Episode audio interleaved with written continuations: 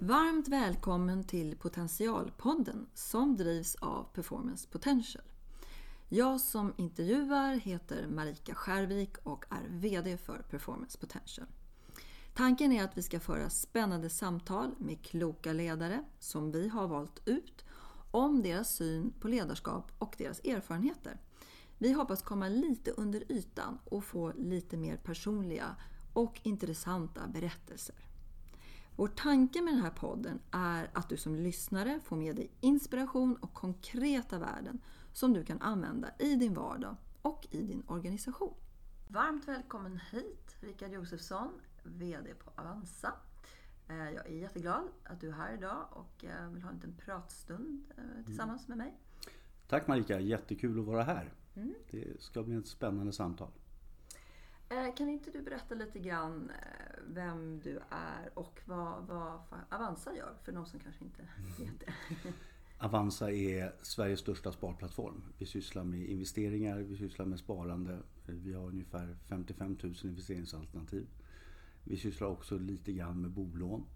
Men sparande och investeringar, det är fokus vad vi gör och vi har väl lite mer nu än en miljon kunder som är aktiva på plattformen. Det är bra jobbat. Mm, ja, det... Absolut. Eh, den här podden ska ju handla lite grann om, om ledarskap och eh, att kunna dela med sig lite grann om erfarenheter som man har och bjuda mm. på det. Så min första fråga är lite grann, vad, vad är ledarskap för dig? Om du skulle liksom utveckla det lite grann. Vad tänker du kring det? Nej, men ledarskap för mig, det handlar ju om att både organisationer och individer ska få förutsättningar att nå sin fulla potential.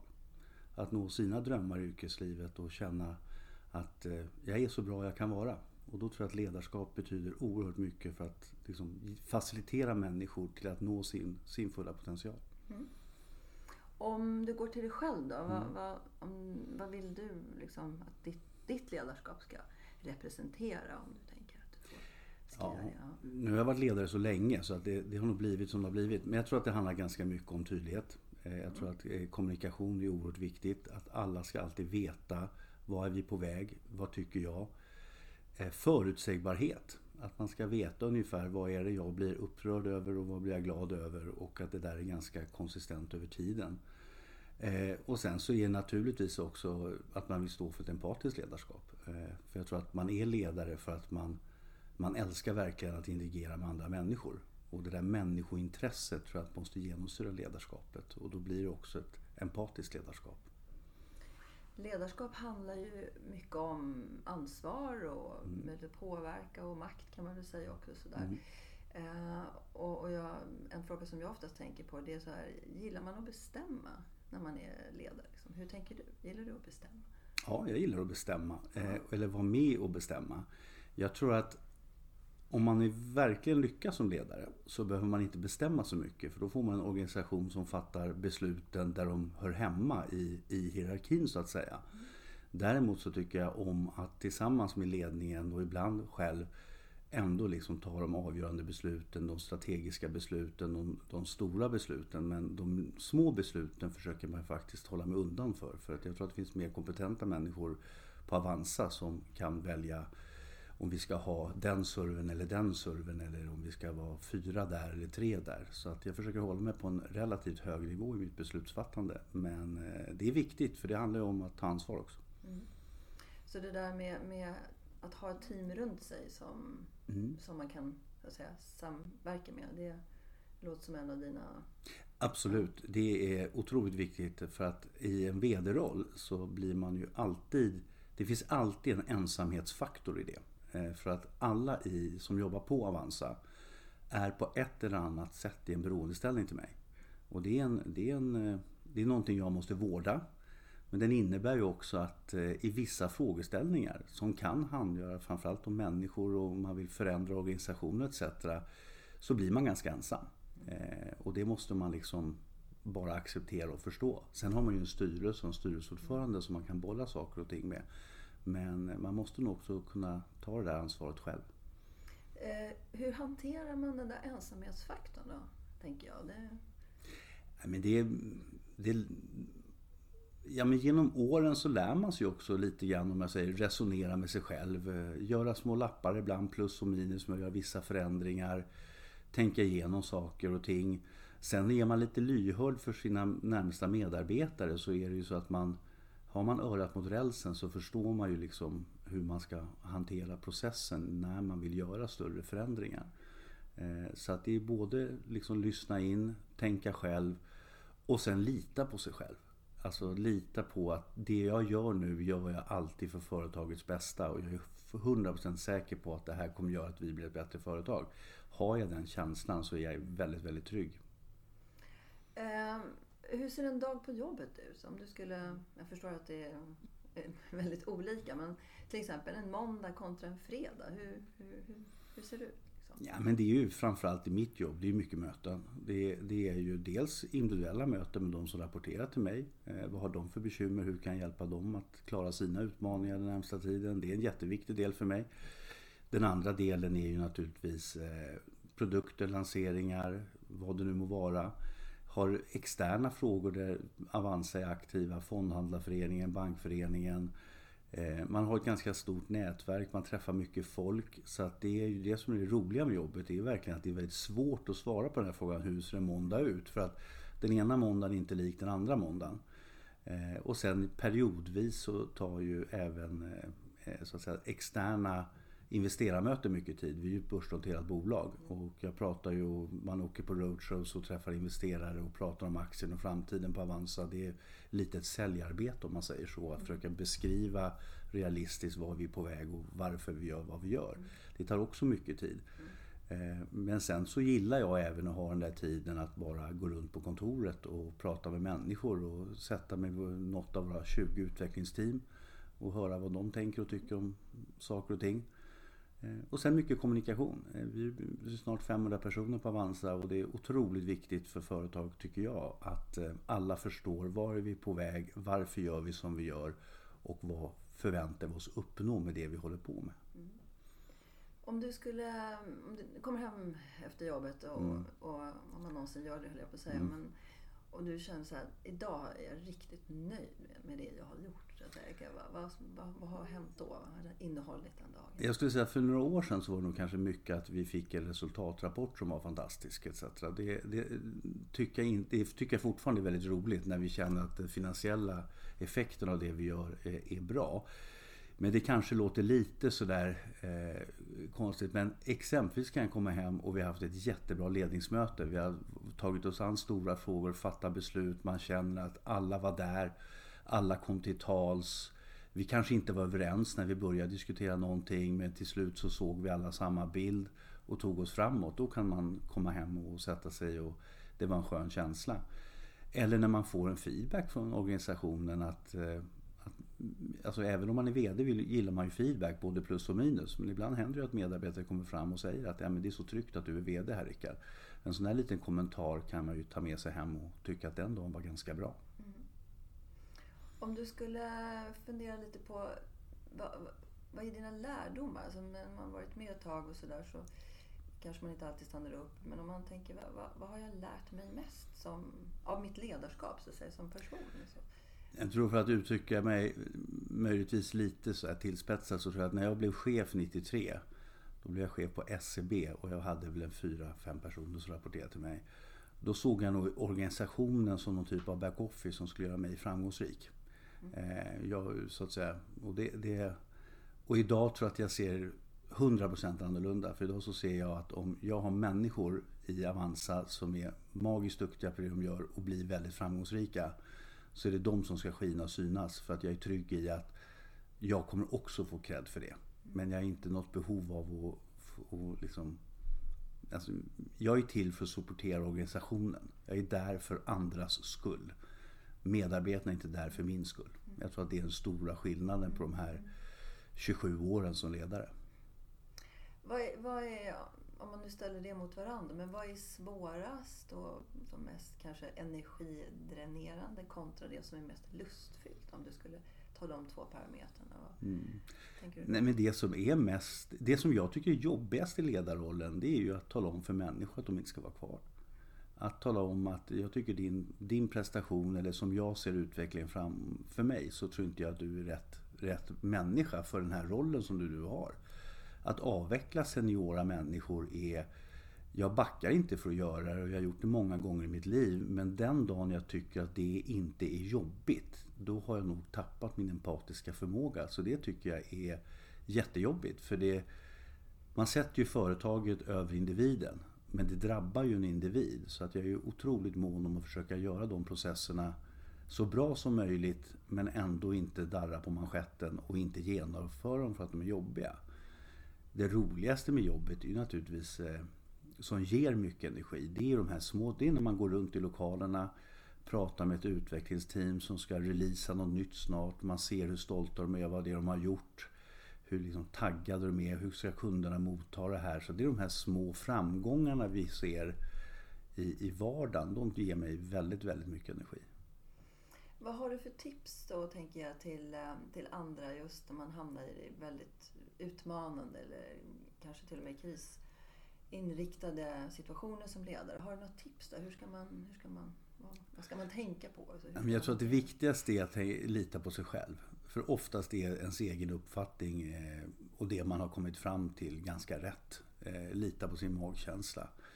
Och det andra är att man naturligtvis ska ta stöd. Eh, kan man inte ta stöd med någon i sin organisation så kan man ju ta stöd med sin styrelseordförande i mitt fall eller någon i styrelsen.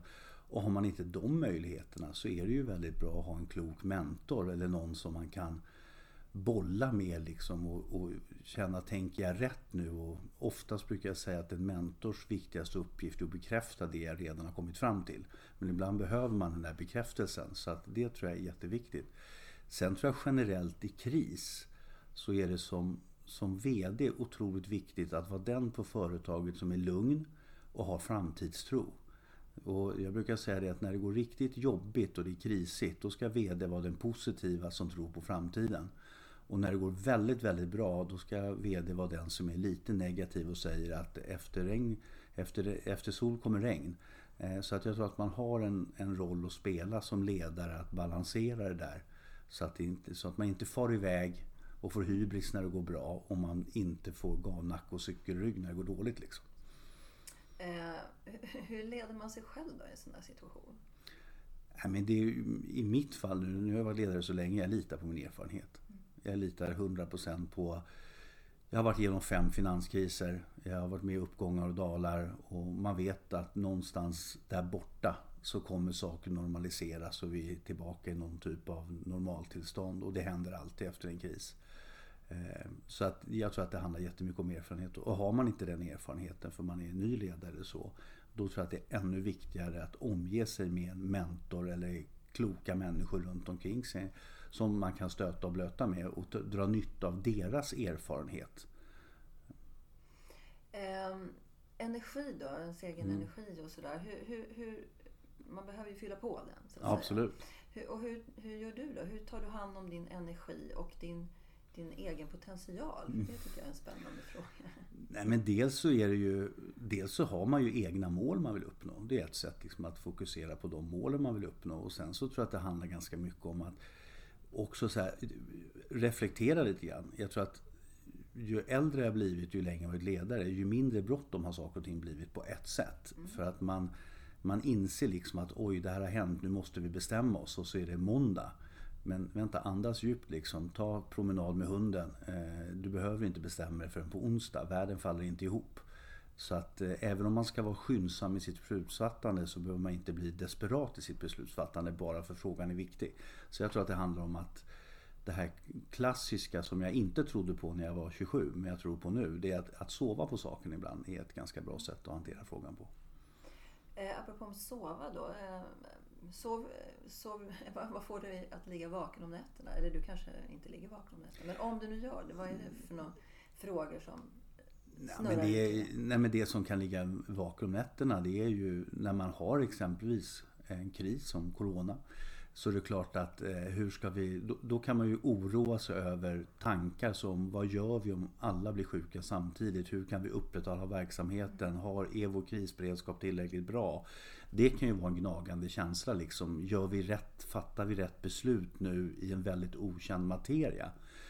I övrigt så är ju börsen går upp, börsen går ner. Vi är väl beroende av det. Men det är någonting som jag absolut inte förlorar någon sömn över. För att eh, det har de gjort i över hundra år och kommer säkerligen göra i hundra år till. Så att eh, jag sover ganska bra. Mm, det låter bra.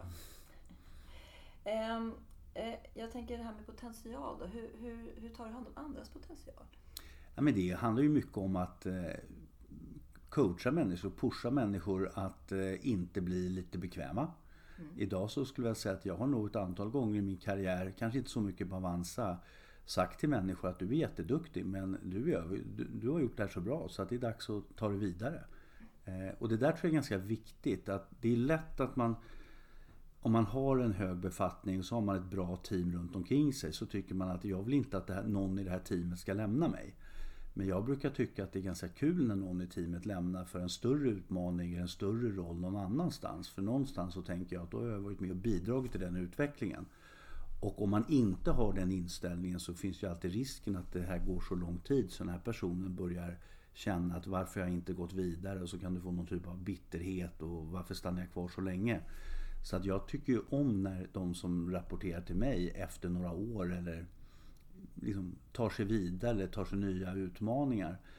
Eller verkligen säger så här, nej men jag har tänkt igenom. Det brukar jag säga. Jag brukar säga till mig själv och de som rapporterar till mig att varje årsskifte så brukar jag nämligen göra en liten lista så här. Eh, vad var bra, vad var dåligt, eh, vad tyckte jag om året? Och sen ställer jag mig frågan, har jag engagemang, motivation och energi för ett år till? Och, så att jag vill återanställa mig själv i min roll varje år för att liksom verkligen tänka igenom, är det här jag vill göra? När jag lämnade Länsförsäkringar Bank som VD så var det precis det som hände efter sex år. Att jag satt där på, det var väl julen 16, årsskiftet 17 och kom fram till att ja, jag har varit här i sex år, vi har uppnått massa saker. Men jag börjar tappa lite energi. Eh, jag kände liksom att, nej, jag var väl 52 eller någonting då. Jag kände att nej, det är nog dags. Och då satte ett antal processer igång och sen så hamnade jag på Avanza. Eh, och det är för att jag hade inte velat vara kvar på LF och suttit där som VD i 12 år och sagt att de sista sex åren körde jag lite på halvfart och rutin. För då tror jag att jag brukar säga att det gäller att du kommer på det tidigare än din styrelseordförande att det är dags att gå vidare. Så det här med, med, med energi och motivation och så, det är liksom någon slags riktmärke som du har? Någon slags temperaturmätare? Absolut. Eller? Sen ja. tror jag att jag som person är ganska sådär... Ja, jag, jag är ganska energifylld så att säga. Det finns ett skäl brukar jag säga, jag ska avslöja en hemlighet. Jag gick i obs-klass i ettan och tvåan för jag ansågs inte vara skolmogen. Idag hade man säkert haft någon bokstavskombination på det där. Men jag hade väldigt mycket spring i benen när jag var liten. Eh, sen så skärpte jag väl till mig lite grann då. Men, men, eh, så den där har jag nog med mig från, från barnsben. Eh, värderingar är ju en sån här fråga som, som alla pratar om. Och så jag tycker, har, har du något exempel på när dina egna värderingar så att säga, integreras i ditt ledarskap? På något sätt, så? Jag skulle vilja säga det, ja. det, och det har jag fått positiv feedback på. Det, en värdering jag har liksom, det är att det ska vara rättvist. Mm. Och det innebär inte att det ska vara lika. För det är en helt annan fråga. Men varje medarbetare i den organisation jag leder ska känna sig rättvist behandlad relativt helheten. Det är en jätte, jätteviktig värdering för mig. Eh, och den, den leder ju till ett antal beslut i många frågor eh, som gör att man inte kan utan att motivera det särbehandla en grupp framför en annan. Sen kanske man särbehandlar en grupp framför en annan av någon anledning. Men då måste man också våga prata om det och säga att ja, nu har den här gruppen fått den här särbehandlingen av de här anledningarna.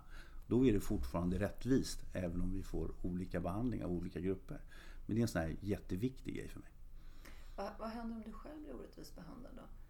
Blir du... Känner jag mig orättvist behandlad då blir jag sur. Mm. Då blir jag förbannad. Mm. För då, då är du inne och tafsar på mina värderingar och då är det så här, vänta ett tag, nu har du varit orättvis mot mig. Eh, och det innebär inte att jag alltid ska ha rätt eller alltid ska vinna, men det måste vara man ska liksom förlora på rätt sätt eller ha fel på rätt sätt också. Eh, när man inte får som man vill. Och då, då får det inte bli maktspel och orättvisor i det. För då blir jag... Skulle jag uppleva det över tid då, måste jag, då skulle jag behöva lämna. Mm. Eh, är det någonting annat sådär som gör dig upprörd som ledare? Som, som man ska undvika eller tänka på om man jobbar tillsammans? Jag brukar alltid säga en sak om man jobbar med mig. Det är det att jag vill ha dåliga nyheter fort. Det som kan göra mig riktigt upprörd är om någon som rapporterar till mig har, har ett, någonting har hänt i, i den personens organisation som har haft en negativ effekt. Och jag får reda på det av någon annan än den personen som är ansvarig. Eh, så jag brukar alltid säga att så fort någonting går, går åt pipsvängen i verksamheten så vill jag ha reda på, det på den personen som rapporterar till mig på en gång. Eh, jag vill inte ha dåliga nyheter av andra människor än den som är ansvarig. För, jag, för det är också en sån här viktig del i mitt ledarskap. Det är att jag, jag delegerar mycket, jag är ingen mikromanagerare. Men däremot så ställer jag oerhört höga krav på att du ska ta ansvar för ditt område.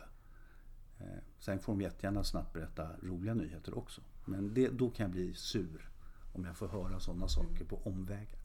Det har, det har ju kanske lite med tillit att göra och transparens och sådana frågor också. Absolut, jag har en väldigt tillit till mina medarbetare. Jag tror att tillit är en så jätteviktig sak i, i ledarskapet. Liksom. Och jag förutsätter alltid tillåtelse jag bevisar motsatsen. Men den tilliten går ju alltid åt två håll. Så det är jätteviktigt att den som det är som det här klassiska att eh, man, man kan delegera många frågor men man ska inte abdikera. Eh, och det tror jag ligger i det här att eh, ta ansvar. Och då, vi tar ansvar i bra väder och vi tar ansvar i dåligt väder. Och ibland är det roliga nyheter, ibland är det dåliga nyheter. Men eh, vi, vi kommer hantera det också.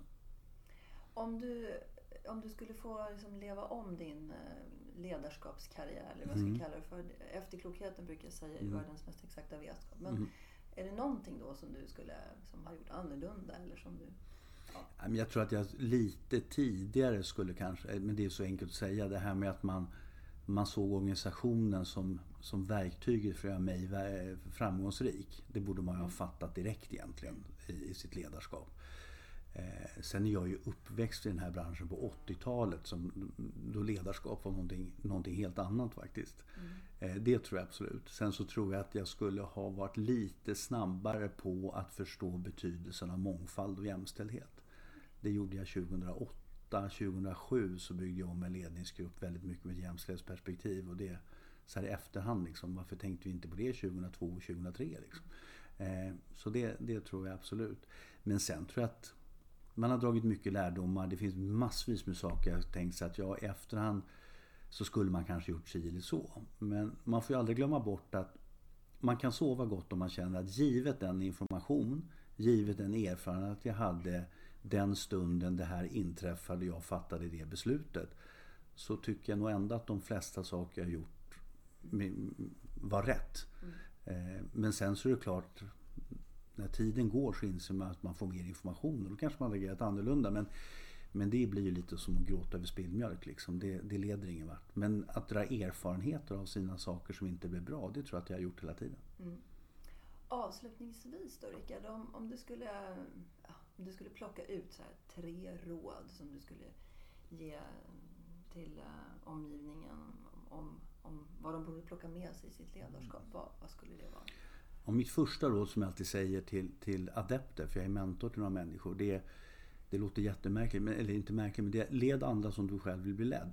Jag brukar ofta fråga folk, hur vill du att din chef ska vara? Eller din ledare? Då får man säga, att han ska vara engagerad, inte detaljorienterad, frihet över ansvar, tydliga ramar etc.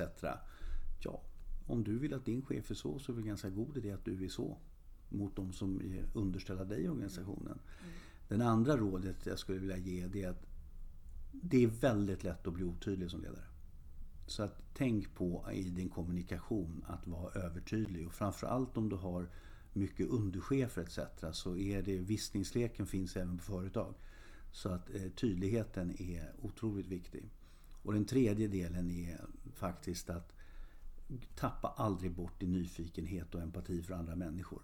För det är just det här att älska att umgås med andra människor som, som driver dig som ledare som gör att du tar in intryck. Så att led andra som du själv blir ledd, empatin och tydligheten. Om du har med dig de tre så tror jag att du kommer klara dig väldigt, väldigt bra som ledare. Det låter som eh, alldeles utmärkta slutord, tänker mm. jag. Mm. Eh, vi har ju medvetet eh, valt ut kloka ledare mm. Eh, utifrån vår egen bedömning. Mm. Ehm, så du är en sån, det var därför vi ville prata med dig. Mm. Eh, tack snälla. Vi, jag och vi är väldigt glada över att du kom hit och eh, fick ha den här lilla pratstunden. Tack själv för att du fick vara med. Väldigt trevligt. Mm. Tack så mycket. Tack.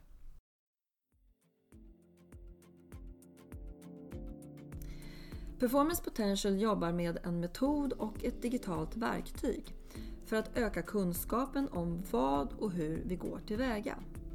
Detta för att bättre förstå hur en organisation kommer att agera och verka. Det underlättar proaktivt ledarskap och stärker möjligheterna att få sina strategier att bli verklighet och för organisationen att nå sina mål. Vi kopplar samman verksamhetens DNA med individens arbetsrelaterade DNA. Vårt analysverktyg kallas preferensanalys. För mer inspiration, se vår hemsida performancepotential.se